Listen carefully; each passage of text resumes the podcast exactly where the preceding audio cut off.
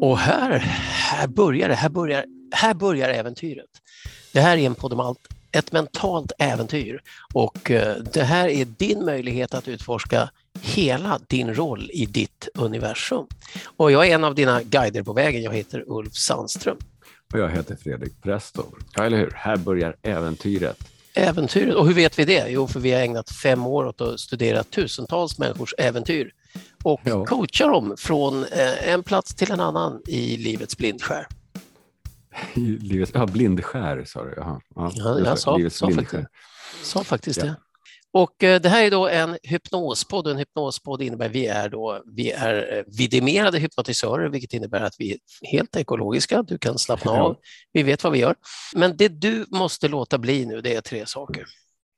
Exakt, servera kaffe är en sån sak. Fast det måste vara hett kaffe. Ja, just det. Servera kallt kaffe går alldeles utmärkt. Så iskaffe, ja, det går alldeles utmärkt. Nej, du får inte servera hett kaffe. Nej, eh, utföra hjärnkirurgi. Det är inte så bra om du gör medan du lyssnar. Nej. Och eh, köra bil är inte heller så bra. Och anledningen till det är att eh, det här är ju en eh, lätt men dock hypnos och därför kan det också vara fördel att blunda. Det är inte nödvändigt, som du till exempel är ute och promenerar i skogen så kan du istället för att blunda så kan du låta blicken bli lite sådär dimmig. Det funkar också. Dagdrömmarblicken brukar man kalla den. Precis, dagdrömmarblicken. Men om du då vill gå all, all in, som amerikanerna säger, vad nu ålar har med det här att göra, så kan, då kan du sätta dig ner bekvämt eller lägga dig eller bara lägga dig lite sådär elegant på en schäslong som den döende dandyn i en vacker tavla. döende dandy, ja. Och så kan du ta ett djupt andetag och andas in. Hålla andan några sekunder och så andas ut på, ett lång, på bokstaven F. Precis, och bara tillåt dig själv att slappna av lite grann. Precis så. Mm. Ja.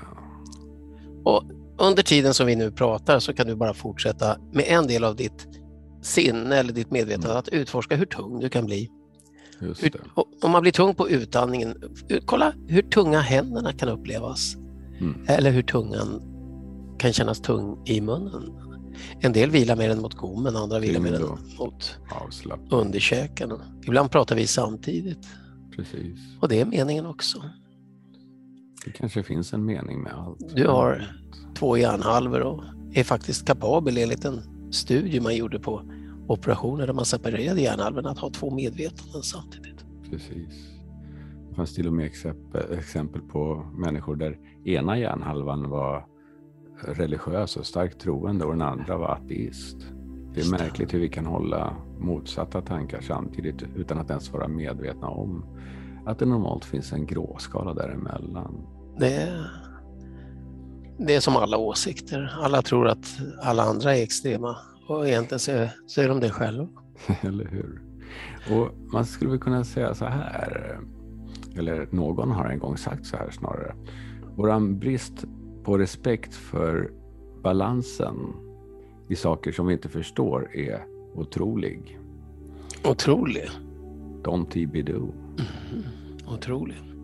En poet sa en gång att eh, dina handlingar sjunger din behoven i din kropp, ditt medvetande, dina gener och din själ.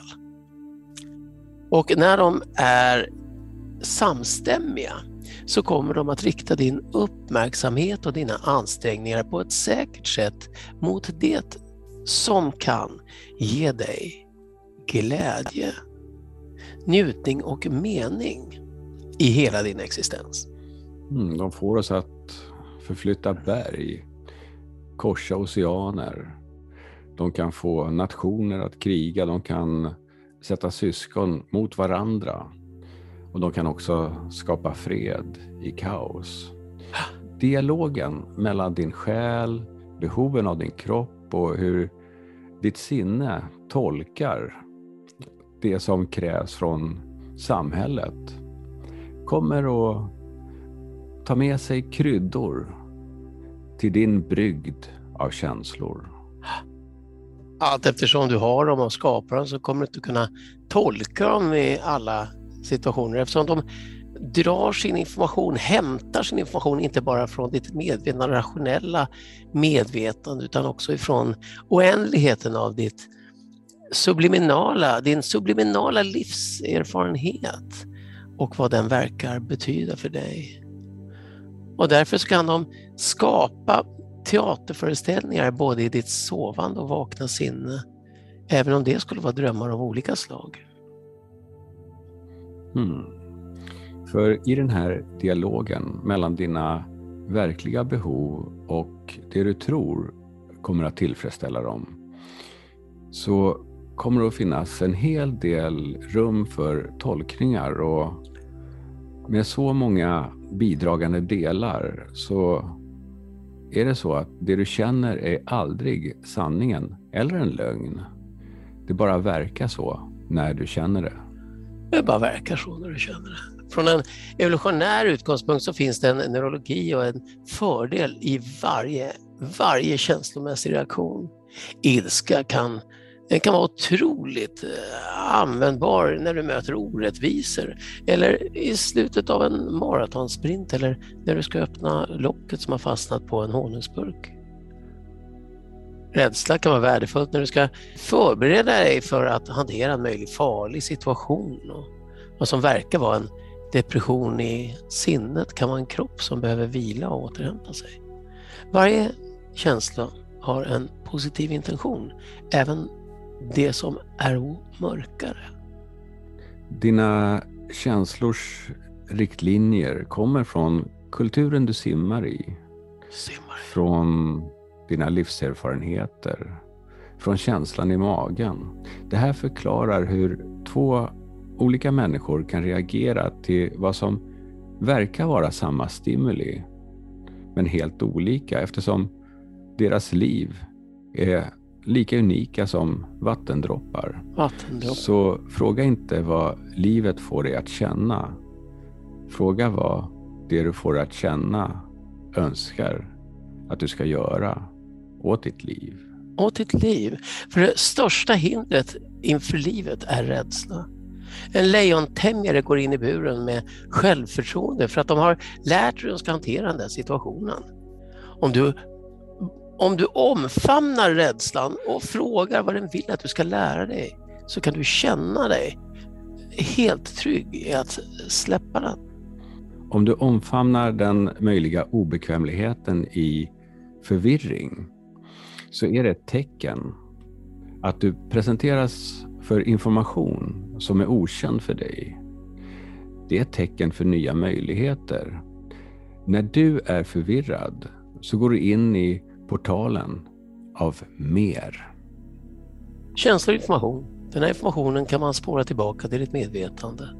När du känner något, vad behöver du tro för att kunna känna det? Och sen fråga dig om det du tror verkligen är sant och vad händer om det inte är det?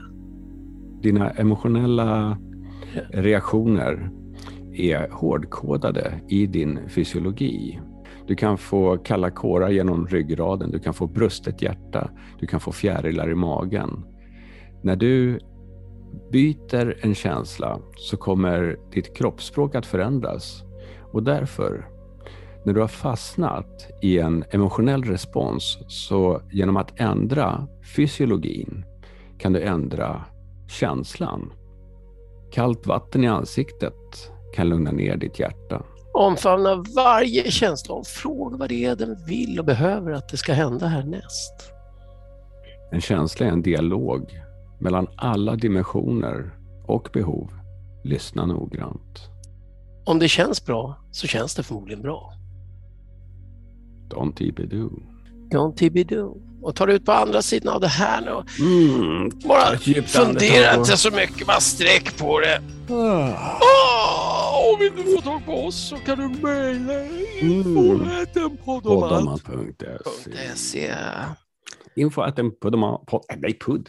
Info att en poddomalt.se Eller som indierna säger, info att en poddomalt.se Thank you, thank you, thank you. Thank you, thank you. Här kommer gitarrelen. Här kommer den.